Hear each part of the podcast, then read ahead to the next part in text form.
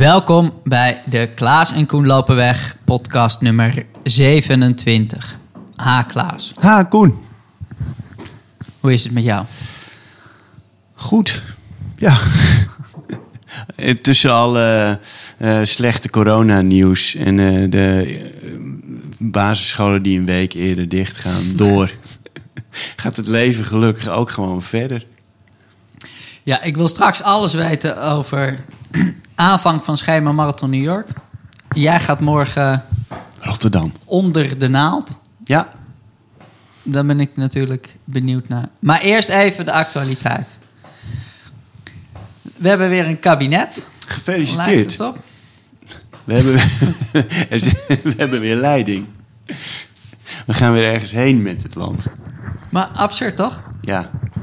Moet je je voorstellen dat wat hier gebeurt, dat dat in een andere setting is. Laten we even een basisschool nemen. Een Ja. basisschool heeft een leraar Ja. die zich vergrijpt aan kinderen. Ja. Ja. Dus dat je gewoon hebt, oké, daar zit mensen in, in een functie waarvan je weet, joh, dit, ah, het kan niet. Ze, hebben, ze gaan de mist in. Ja. Een leraar vergrijpt zich aan kinderen. Dus wat zegt de basisschool? Die stuurt die leraar naar huis. Die zegt je, je mag hier niet meer komen, want dit heeft niet gewerkt. En dan gaat de leiding van de basisschool gaat 275 dagen overleggen over de nieuwe leraar. En na 275 dagen komt dezelfde leraar weer terug. Ja. Ja, doe het toch maar. Want ja, er is zoveel tijd verstreken. En nu zal het wel goed gaan. Ja. Dat is toch een beetje wat hier gebeurt. Het is totaal absurd. We gaan het anders doen, maar met precies dezelfde mensen. Want zo werkt dat namelijk. Nee, het is... En het was ook niet niets waarom het zeiden van oké, het, het moet anders. Want ja, het was al een puinhoop met die toeslagen. Ja. En dan nu dit. Je denkt wel een beetje, Ja. waar zitten wij eigenlijk naar te kijken? Nee, het, is, het is echt een, echt een soort surrealistisch iets. En, maar ook, ja, het, eh, zeg maar, het kabinet eh, is, is, is eh, gevallen. En, ehm, maar eh, iedereen heeft ook op die VVD gestemd. Dat, dat is natuurlijk ook gewoon, of iedereen, maar heel veel mensen hebben daarop gestemd. Weet je, dat is natuurlijk ook het gekke aan, aan dit verhaal. Ja, goed, ja. Dus we hebben straks weer een kabinet. Ik ben benieuwd, benieuwd of we het verschil gaan merken. Nou ja, eh, vast niet echt. Nee. Maar goed, eh, iedereen, alle politici waren in ieder geval als de kippen bij zondag om eh, Max Verstappen even te feliciteren. Ja, ja. Heb jij er nog steeds helemaal niks mee? Nog of denk je dan toch wel, is toch wel leuk? ik heb er nog steeds helemaal niks mee. Ik vind het eh, leuk als een, als een Nederlander eh, sportief succes haalt. Zeker. Vind ik leuk. Maar ik had het ook heel tof gevonden als die Hamilton zijn achtste wereldtitel had gehaald. En daarmee langs Schumacher was gegaan. En, eh, en ik vind die Hamilton eh, eh, qua persoonlijkheid vele malen aantrekkelijker dan Max Verstappen. Echt een gentleman en een groot sportman. Hoewel die, ik geloof dat die reactie van Mercedes wel wat kinderachtig was. Maar goed, laat ik me er niet aan galopperen, want ik heb er weinig verstand van. En ja, leuk voor, leuk voor Max en zijn vader. Jij, heb je, je, heb je het een beetje gevolgd? Of je weet dat het is? Nou, ik heb eh, zondag wel even de NOS-blog eh, af en toe gerefreshed om Ja. te kijken, eh, gebeurt er nog wat? En op een gegeven moment, nou ja, gebeurt niks. Eh, ik hoorde wel dat er iets gebeurde, omdat hierboven... eh, blijkbaar keken ze wel. Dus op een gegeven moment was hierboven gejoel en gejuich. Toen dacht Ja. ik, oh, nou ja, die zijn vast voor Verstappen. Dingen. En toen even later hier eh schuin tegenover stonden ineens twee mannen met twee Nederlandse vlaggen op het balkon te zwaaien. En die hadden de vlag uitgehangen. Dus toen dacht ik, oh nou ja, blijkbaar is het wel wereldkampioen. En nou ja, ik moet zeggen dat ik vind het ook wel gewoon lollig. Ja, Dus helemaal beschouwend zit ik er niet in. Want ja, met die sporten waar ik echt niks mee heb, dan denk ik toch al gauw. Het is leuk als degene wint uit het land met de meeste inwoners. Denk je, je kan beter eh 80 miljoen Britten blij hebben dan 15 miljoen Nederlanders. Ja. Dus als je daar helemaal beschouwend in zit, denk ik altijd, ja goed, als dat land met de grootste achterban wint, dan, dan is dat leuk. Want dan is per saldo zijn de meeste mensen Mensen blij. Ja. Maar ik merkte nu wel de, de laatste weken dat ik toch dacht, nou ja, wel leuk als Verstappen wint. En ik vond wel echt een absurd bericht dat hij dan eh, een wereldkampioen wordt. En dan denk je, nou ja, na zo'n seizoen, Ja. eh, tijd om te feesten en even wat anders te doen. En dat hij toen, eh, nou ja, hij bleef nog daar, want hij moest de nieuwe banden voor het nieuwe seizoen testen. Dan denk ik, nou, ik weet niet of ze dat allemaal doen of niet, maar ik vond dat als buitenstaande, dacht ik dan wel, nou ja, petje af als je zo met je sport bezig bent. Ja. Dat je de dag nadat je wereldkampioen bent geworden, de, de nieuwe banden gaat testen voor volgend jaar. In plaats van dat je denkt, nou, nu even tijd om Ja. te feesten. Maar goed, ik weet helemaal niet of dat gebruikelijk is en wat die andere coureurs doen. Maar ik vond dat wel een opvallend bericht. Maar, eh, Ja, ik weet eigenlijk niet hoe dat werkt met... met eh, ze zullen wel ergens een thuiscircuit hebben, toch? Waar je dat soort dingen normaal kan testen. Ja, Weet ik eigenlijk helemaal idee niet. Of ze gewoon niet een circuit hardlopen, hebben zeg waarvan maar, ze dat je ergens ja. naar een park gaat en even een rondje kan rennen. Nee. Ach ja. goed, Gefeliciteerd, Max. Good on you. maar gewoon weer over hardlopen. Ja, precies. Dat, dat ligt ons beter. Ja. Ja, het was deze week eh, werd het eh, onrustig in de, in de Kaboom Running app. Want eh, ja, de, de voorbereiding naar eh, Rotterdam eh, start zo'n beetje. Vanaf maandag is het 16 weken. En dat is ongeveer de, de, looptijd van, van het schema wat ik, wat ik aanhoud. Dus eh, gisteren hadden we eigenlijk een soort, soort aftraptraining. Met, met de eerste jasso's.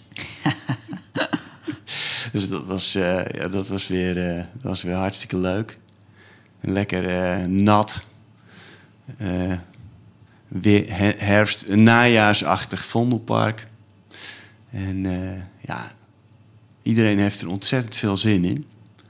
Dus dat is mooi om te zien. En het gaat zo snel, toch? Ik heb echt, nou ja, ik dacht het laatst ook al. Voor mijn gevoel is het echt twee weken geleden dat wij eh, in het Olympisch Stadion eh, die eh, mooie marathon liepen. En nu gaat het alweer richting de voorjaarsmarathons. Ja. Bij jou nog niet helemaal? Hoe, hoe zit je er mentaal in? Ja, met die kuit. Ja. Het is... ah ja, mentaal zit ik er wel goed in. Ik, het, ik vind het jammer dat ik niet gewoon mee kan starten Ja, eh, met het groepje, met die intervallen. Maar ja, als ik loop, ik, ik merk nu gewoon dat als ik eh 4 minuten 30, 4 minuten 40 de kilometer loop, Ja. dat tempo gaat prima. Eh, sneller dan dat, ja, dan begin ik het meteen echt te voelen. En ik Ja. weet helemaal niet hoe het is als ik nu, nu langer ga lopen. Dus ja, het is gewoon lekkerder om helemaal vrij uit gewoon lekker te kunnen lopen. ja. En dat is natuurlijk leuker.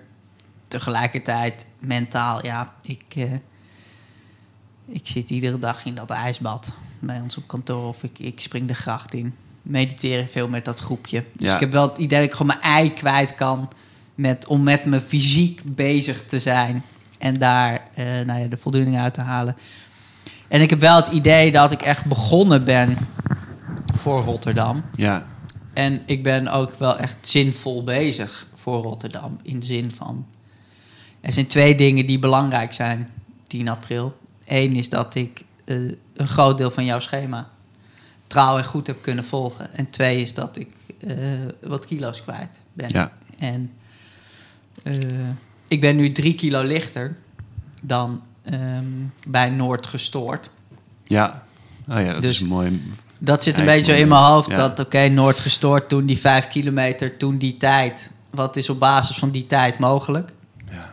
En dan daarbij met, oké, eh, wat gebeurt er als dat gewicht zakt? Dus ja, ik ben daar nu gewoon wel mee bezig. Dus in mijn hoofd denk ik wel, nou ja, het is voor mij begonnen. Ja, en dat is natuurlijk leuker. Als die trainingen daarbij hand in hand lopen. Maar kijk, niets in mij maakt zich zorgen dat dat eh, misgaat of niet gaat lukken. Want ja, het soort pijn en het, het soort van blessure of overbelasting of spanning of wat het precies is, Ja, nou ja, is wel getraceerd in de zin van, nou ja, even rust, even, even loskrijgen. En eh, het komt wel goed, ja. En of dat nou nu nog eh, één week duurt, twee weken duurt of drie weken duurt, ja, maakt niet heel veel uit met oog op 10 april, denk ik. Dus het is meer een beetje, nou ja. De voorpret is wat minder ja, omdat ik nog niet in het clubje kan en nog niet met die schema's aan de gang kan. ja. En, eh, nog niet kan denken, oké, op zaterdag ga ik het eh, loopje doen wat Klaas heeft bedacht. En eh, even kijken hoe dat voelt in combinatie met de jassa's en dintervallen Ja. dingen. Maar wordt vervolgd. Ja, dat komt goed. Ja. Nee, we hadden gisteren... eh, we zijn begonnen met vier. Vier jasso's. Dus ergens 2,5 week voor de marathon doen we de laatste jasso-training... en dan zijn het tien. en eh, dat, eh, dat, wordt, dat wordt mooi. Ja. Ik ben trouwens, over dippen gesproken... Ik, ik ben eh, gisteren in de Nieuwe Meer dippen. En eh, op een plek waar ik nog niet eerder had eh, gedaan. Dus dat is... ehm, nou ja, in ieder geval, het is een plek met een enorm grote vlonder. Trappetjes aan weerszijden. En er zit een ehm, thermometer. Standaard. Ja, zeg maar ingebouwd in, dat, in die constructie. Het was wel mooi. Ik was daar, eh, we gaan met, eh, met de Vondel Gym, waar ik eh, training geef, gaan we op 1 januari. In ieder geval met een heel stel lopen en dippen. En, ehm, en voor wie niet wil lopen, die kan dan naar die eh, stijger toe komen om, om een keer een dip te doen. Dus we moesten even kijken wat dat voor plek is en of dat een beetje geschikt is. Dus ik was daar met mijn zusje, was ik daar. En er kwamen net twee mannen het water uit. Er was, en er waren twee dames en nog een andere man. Die waren bezig om, eh, om er daar eh, in te gaan. En wij kwamen daar, dus we staan met, met, al met al met zeven mensen. op een eh, regenachtige decemberochtend. eh, heel vrolijk, iedereen leuk aan het praten en zo. Super. Het is, ja, het blijft toch, ja, we hebben het hier vaker eh, ge- aangehaald, maar toch wel heel tof om te zien hoe, eh, hoe het verbindt. En eh, hoe, wat een vrolijke, vrolijk ding het is. Ja. Het is, eh, ja. Ja, het is, en, en nou ja, goed, echt een goed plekje. Ik zat nog te denken, we kunnen, je kunt daar ook een mooi, een heel goed rondje vanuit het clubhuis aan vastknopen. Hoe koud was het? 8 graden. Zo warm nog wel. Ja. Ja. Of, nou ja, warm. Het voelt kouder. Ja, want eh, ik denk dat Anton Jan Thijssen, Ja. die had een keer, toen wij hadden gedipt in de Nieuwe Meer, Ja. zeg maar aan onze kant, waar we vaker waren, had toen doorgestuurd dat eh Am Amsteldex, amsterdex.nl, een soort website met een weerstation erin. En dat zal die zijn. Dat is Want die dat was ook de Nieuwe Meer met Ja. een permanente nou ja, metingen. Ja. Niet alleen van de temperatuur, maar ook van de zuurstof pH-waarde en de, de waterkwaliteit en eh, Ja. de hele ruitenbetuit. Dus, Ja. eh, ja, er zit inderdaad zo'n soort, soort paal in het midden met, met een, volgens mij een aantal meters. En de meest bekeken zal die van de, van de temperatuur eh, zijn. Ja, ja is, inderdaad een, een hele goede plek. Veel ruimte om je om te kleden. Dus ja, die hebben we. Iets heel anders. Jij eh, laat een nieuwe tatoeage zetten. Ja, Ik neem aan, niet een afbeelding van Wim Hof. maar misschien verras je ons. nee. Nee, het wordt eh Abebe Bekila. Ik, eh, ik heb eh, eh, op mijn, mijn re- rechterbeen... Ja, rechterbeen heb ik... hoe heet het? Bannister. Roger Bannister staan. Een ja, mooi figuur uit de hardloopgeschiedenis. En op de andere komt Abebe Bikila te staan. Ook een mooie figuur uit de hardloopgeschiedenis. Ethiopië die twee keer de Olympische marathon heeft gewonnen. Zijn drie, drie lopers die dat ooit hebben gepresteerd. Hij, een eh, Oost-Europese loper, waar de, de nodige sceptisch rondom bestaat of het allemaal wel eh, zuiver is gegaan. Maar goed, hij kan zichzelf niet verdedigen, dus hij heeft ze gewoon. Eh, en eh Kipchoge, die, die is het allemaal gelukt om back-to-back eh, Olympische marathons te winnen. En eh Bikila, die, eh, ik vind hem speciaal omdat hij de eerste, eh, eerste zwarte Afrikaan is die goud won, überhaupt op de Spelen. Dus het was ook een soort ehm, begin van het einde van het kolonialisme. De zwarte Afrikanen die mogen sporten en, en zich mogen laten zien aan de wereld. En, ehm, en bij hem, ja, hij won op blote voeten. Dus eh, weet je de, de legende was eerst een beetje van... zij zijn zo gewend om, om altijd op blote voeten te lopen... dat hij daarom eh, niet op schoenen liep. En, eh, maar hij had wel schoenen meegekregen... maar toen hij daar een paar trainingsrondjes op ging doen... kreeg hij de blaren van. Dus uiteindelijk maar besloten om eh, toch op blote voeten te starten. En eh, werd ook wel wat uitgelachen bij de start. Van toch een beetje een, wilde die geen idee heeft waar hij aan begint. En daar op blote voeten verschijnt. Terwijl ze op asfalt en over eh klinkersteentjes eh, liepen. En, maar goed, hij heeft het, re- rende een hele goede marathon. Zijn derde trouwens in drie maanden was dit. Zijn eerste marathon ooit liep hij in juli. Vervolgens liep hij in augustus nog een keer een marathon in zijn thuisland in Ethiopië. En in september de Olympische marathon. Dus in die tijd keken ze ook iets anders naar, hoe je dat dan moest voorbereiden. Maar van de mooie dingen van zijn eh, overwinning was dat hij, eh, ze liepen door het centrum van Rome. En daar stond toen nog, inmiddels niet meer, de obelisk van Axum. En die obelisk is door de Italianen eh, gestolen, meegenomen uit Ethiopië, eh, halverwege de jaren 30. Toen zijn ze daar met veel geweld en eh, zijn ze daar binnengevallen, het land. Heel hele bloedige toestand is dat geweest, onder Mussolini. Weet Italië moest ook koloniën hebben. En nou ja, goed, die, geen mooie tijden. Maar hebben ze die obelisk dus meegenomen. En toen kwamen ze twee keer langs. En de tweede keer dat ze langs eh, liepen, was precies op die plek plaatste Bikila zijn laatste versnelling.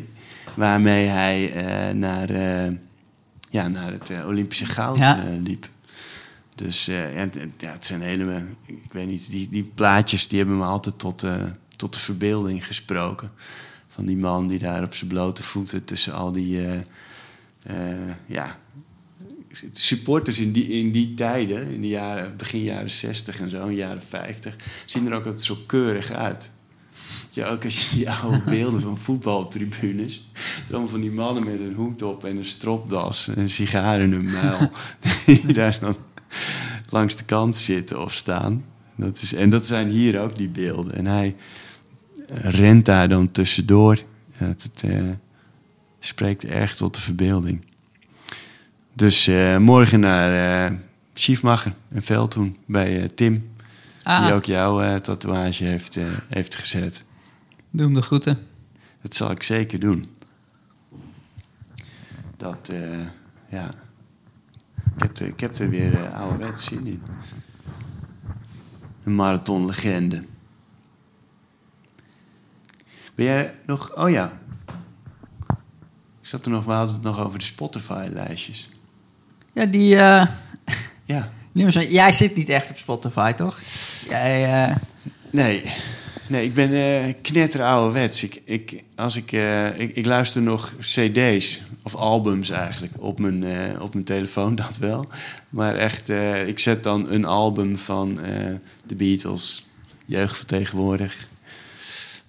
Eric B. en Rakim, Bob Dylan, zet ik op. En dat ga ik dan helemaal luisteren. Dus nee, geen Spotify. Maar hoe werkt dat?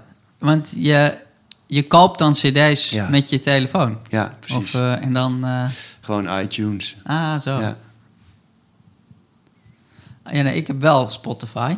En ik ben eh, groot fan. En ik, nou ja, ik, ik, ik luister geregeld. Of, of ik zet het op hier, hier en naast dingen. En het was wel grappig, want ik ben zelf ook altijd wel nieuwsgierig naar nou ja, wat anderen dan als favoriete artiesten hebben. Of het, het meest beluisterde nummers. En je krijgt rijtjes. En ik stuurde mijn lijstjes door naar een vriend. En die zei, joh, eh, eh, heb ik hier weer met Dr. Jekyll en Mr. Hyde te maken. Want je hebt wel een beetje een, een schizofreen lijstje. Want Ja. mijn eh, artiesten, die ik het meest heb geluisterd, is totaal anders dan mijn meest geluisterde nummers. Want bij mijn favoriete artiesten staat Bob Dylan op één. Ja, En verder staan daar in Guns N' Roses Tom Waits en Johnny Cash. Ja. En nou ja, dat is in die zin een beetje saai. Want eh, ja, waarschijnlijk als ik 15 jaar geleden de dieren ook. de, de, de, die lijstjes ook Ja. hadden bestaan en ze hadden het mij kunnen voorschotelen aan het eind van het jaar. Dan had, nou ja, zeker Guns N' Roses had daar ook gewoon in, in gestaan. En waarschijnlijk eh, wat langer geleden dat Iron Maiden daar dan ook nog wel tussen had gestaan. Wellicht ten koste van Tom Waits of zo. Maar er zit wel een gemene deler in dat eh, een gitaar is nooit ver weg. En het Ja. zijn allemaal mannen met drugsproblemen die, die, die muziek maken. En eh, ja, waarom dat zo is, geen idee. Maar nou ja, ik luister dat dus nog steeds Ja, graag en veel. Maar ja, wat verwacht je als Bob Dylan de artiesten die je het meest hebt geluisterd? En ze maken een lijstje met je favoriete nummers. Dan denk Ja. je, nou ja, daar staat dus Hurricane in. Of Isis. Of daar, daar staan nummers van Bob Dylan in. En van die andere artiesten. Maar dus Johnny Cash, Bob Dylan, Guns N' Roses, Tom Waits... zijn de artiesten die ik het meest beluister. Maar niet één van hun nummers, niet één... staat in de top 5 van mijn favoriete nummers. Want wat staat er op één als favoriet nummer? Dat is eh, Glorious van Ma Muse. Nummer 2, Resilient. Resilient van Rising Appalachia. Appalachia. Vervolgens staat Via er twee keer in. ja, En wat, wat is dat voor muziek? Nou ja, dat zijn geen mannen met gitaren en een drugsverslaving. Maar dat zijn allemaal jonge vrouwen Ja. die eh, zeggen: jongens, de wereld is toe aan meer liefde, meer dankbaarheid. Ja. En we gaan toe van een derde dimensie naar de vijfde dimensie. En eh, halleluja, wat ruikt het gras lekker. En wat vinden we elkaar toch lief en leuk. Dat is een beetje nou ja, de, het genre daar waar je eerder een panfluit aan boord hebt dan een elektrische gitaar. ja, Om, om het genre neer Ja. te zetten. En wat blijkt dus? Nou ja, Spotify zal het wel weten.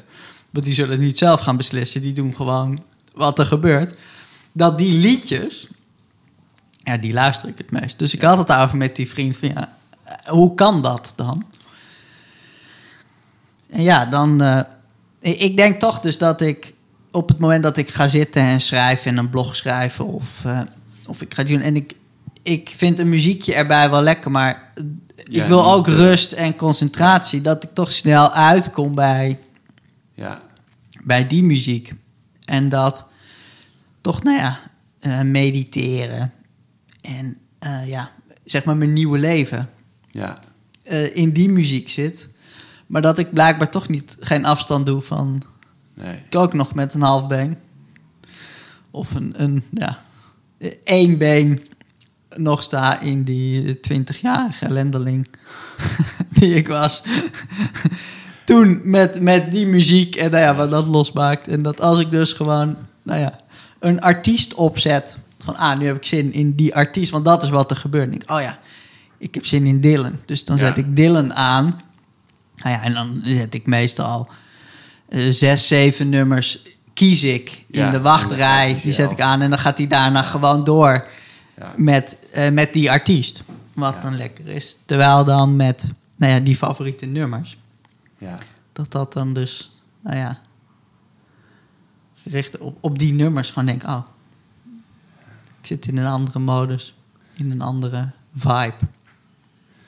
Ja, als je wil concentreren, dan moet gewoon niet te veel tekst gedreven zijn, de muziek. Wat natuurlijk bij Johnny Cash of Bob Dylan wel echt aan de hand is. En Guns N' Roses is gewoon te hard om je... Tenminste, er gebeurt gewoon te veel om, om, om nog iets anders te kunnen doen, denk ik. Maar hoe, hoe luister jij naar muziek? Ehm, eh, meestal op de fiets. En he- heel af en toe, eh, als ik ga lopen, zet ik wel eens muziek op. En eh, als ik bijvoorbeeld niet zo'n zin heb om een bepaalde intervaltraining te doen, dan eh, doe ik dat nog wel eens op de band in de, in de sportschool. En dat zijn momenten dat ik muziek opzet. Dan is het bijvoorbeeld Metallica. Of, eh, hoe heet het? van Dave Grohl, Foo Fighters of ehm, Queens of the Stone Age. Nou ja. Een beetje een mix tussen soms wat relaxtere nummers, maar ook wel echt hard. Ja. Dat, dat is dus altijd erbij. En eh, heel soms als ik eh, achter mijn laptop zit en ik moet iets schrijven, dan zet ik nog wel eens eh, eens klassiek op. Luister ik graag Bach. En dan ook, ja, het moet wel zonder, zonder tekst zijn, zeg Ja. maar. Dus geen, geen koren of aria's of wat dan ook. Heb je dan nog wel favoriet van Bach? Of eh, is dat een beetje inwisselbaar? Dat is redelijk inwisselbaar, ja. Ik, eh, ja, ik, tenminste, ik hou erg van zijn, eh, hoe heet het, van zijn strijkmuziek. dus viool en cello. Cello misschien wel het meest prachtig instrument, ja. Ik heb, ja. Dus dat, op die manier, ja. Ik heb met Bach, ik had een, een vriendinnetje in Leipzig lang geleden. Ja, Waar ik dan, eh, nou ja, één keer in de maand, één keer in twee weken in de trein naar Leipzig ging om naar haar toe te gaan. En Leipzig is echt de Bach-stad. Ja. Daar heeft hij lang gewoond en veel gewerkt. En, en nou ja, doordat al die standbeelden daar waren en in, in, in zo'n kerk daar, nou ja, waar hij dan ook echt veel heeft nou ja, gespeeld, zo eh, raakte ik wel een beetje nieuwsgierig naar die figuur. Dus toen had Ja. ik een, eh, een, een biografie gelezen van, van Bach. En eh, door die biografie was ik een fan geworden van het nummer Fantasia. Dat is Ja. zo'n nummer van hem. En waarom ik daar fan van geworden was, was die Bach was natuurlijk gewoon een broodmuzikant. Ja. Die wilde gewoon Ja. geld verdienen. En die had ik weet niet hoeveel kinderen. En Ja. die dacht, ja, als ik met muziek maken... Was best geld gedreven, ook gewoon bezig. Nou ja, en waar zat het geld als je muzikant was? Was bij de kerk. De kerk, dus eh, de kerk die betaalde dan om, om nieuwe muziek te maken. En, en, eh, maar Bach, die, die was helemaal niet zo gelovig. Hij was eigenlijk een Nee. beetje een rebel in de zin. Maar ja, het was zijn opdrachtgever, waar was die kerk steeds. Dus, maar wat bleek nou? Hij probeerde steeds het randje op te zoeken in zijn tekst en ook in zijn Ja. muziek. Dat die kerk nog wel het gevoel had, ja, dit kan in de kerk.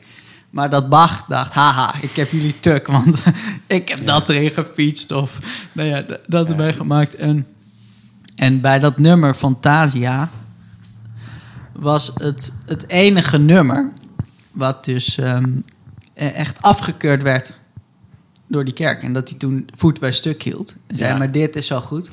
Dit blijft. En dat hij toen op zoek moest naar een nieuwe kerk. Omdat hij eruit gewipt werd.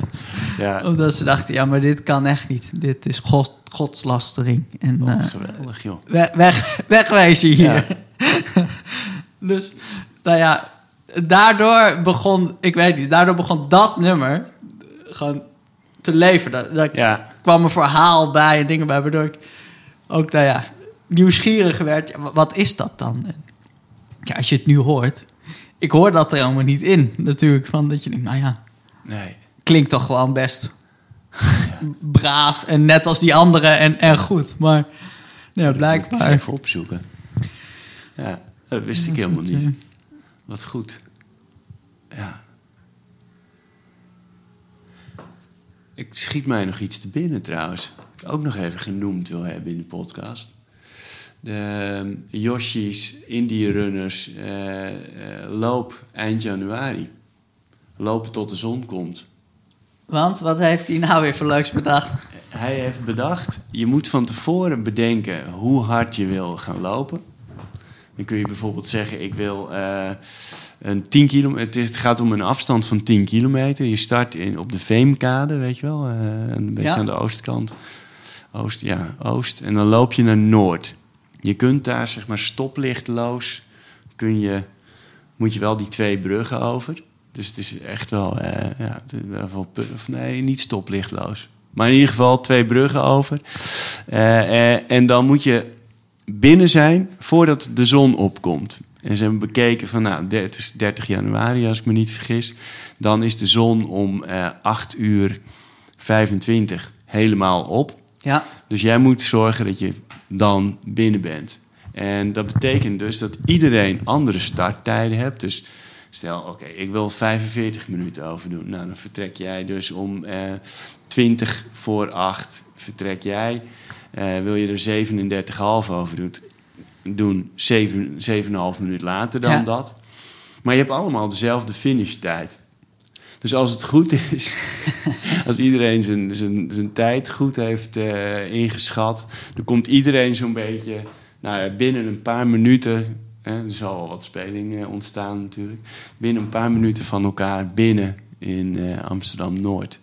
Het heet lopen tot de zon komt. En eh, ze hebben dan ook ze hebben een leuke plek uitgekozen, ergens aan het ei. Weet je wel, weer een tikkeltje industrieel. ja. Zoals, eh, waar ze van houden.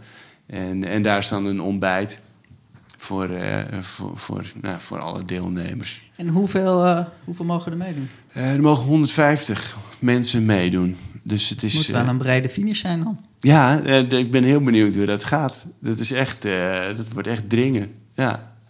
Maar goed, als je het, het is op een industrieterrein. Dus in principe kun je, zou je een, een streep van 50 meter eh, neer kunnen leggen als finish. Nou ja, Yoshi kennende. Heeft hij overal over nagedacht Ja, en dan komt dat helemaal goed. Ja. Dus Want, eh, eh, maar dat is natuurlijk super goed. Want wat je natuurlijk hebt als snelle loper normaal... dat Ja. je op een gegeven moment aan het eind loop je een beetje alleen. Of dan Ja. heb je niet meer echt een richtpunt. Maar hier komt dus steeds nieuwe aanwas van wat Ja. er voor je loopt. Want in principe... Ze, ze starten, zeg maar, je kan, eh, omdat, ja, het moet een beetje haalbaar eh, zijn. Ze starten om de 2,5 minuut. Dus eh, je, je hebt de keuze tussen, ehm, eh, wat is het, tussen een uur of 1 uur 15 of zo voor 10 kilometer en een half uur. En vanaf de ruimste, of de, hè, de, degene, de langzaamste tijd die is opgegeven tot aan een half uur, wordt dus om de 2,5 minuut gestart. Dus inderdaad, als jij bij de snelste lopers zit, als het goed is, kun je steeds ergens naartoe lopen. En eh, ja, de eerste starters hebben, hebben daar het minst voordeel van. Ja, ja ik, ben, ik ben heel benieuwd. Ik vind het in ieder jij geval. mee? Weet ik nog niet, eigenlijk. Het lijkt me, het is, op zich natuurlijk wel een leuke gelegenheid om, eh, om weer hard te lopen. Om geprikkeld te worden om hard te lopen. Eh, en, ja, kijk, dit is een ongecertificeerde race. Eh, door dat starten in golfjes kan het volgens mij ook eh, allemaal wel binnen de corona-voorschriften. Eh, en ja, de kans is natuurlijk wel dat er van alles weer niet doorgaat in Ja. december en januari. Dus dan, dan is het wel leuk om mee te doen. Dus ik, eh, En welke tijd zou jij invoeren dan? dan zou ik 37,5 proberen. Ja, dat heb ik al heel lang niet gelopen. Dus eh, dat zou ik dan wel willen proberen. Ja. Maar goed, ik weet het nog niet.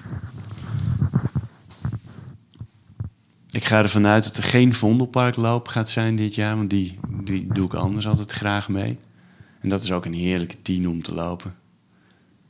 Plat als een dubbeltje. Tweede zondag. Zoiets is het, ja. Het is, het is altijd tegelijk met eh, Egmond. Nou ja. Dus ja, dat zal niet lukken waarschijnlijk. Nee.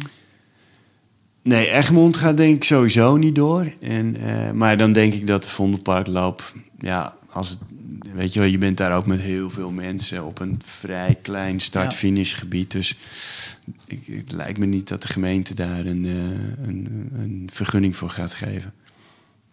Ah, fijn. We wachten het af. In ieder geval blijven we dippen. mediteren. Lopen, sommigen. Dat sowieso. En, eh, en eh, gelijkmoedig voorwaarts. Gelijkmoedig voorwaarts. En eh, stuur even een fotootje morgenmiddag van je been. Dat zal ik zeker doen. Tot de volgende. Tot de volgende.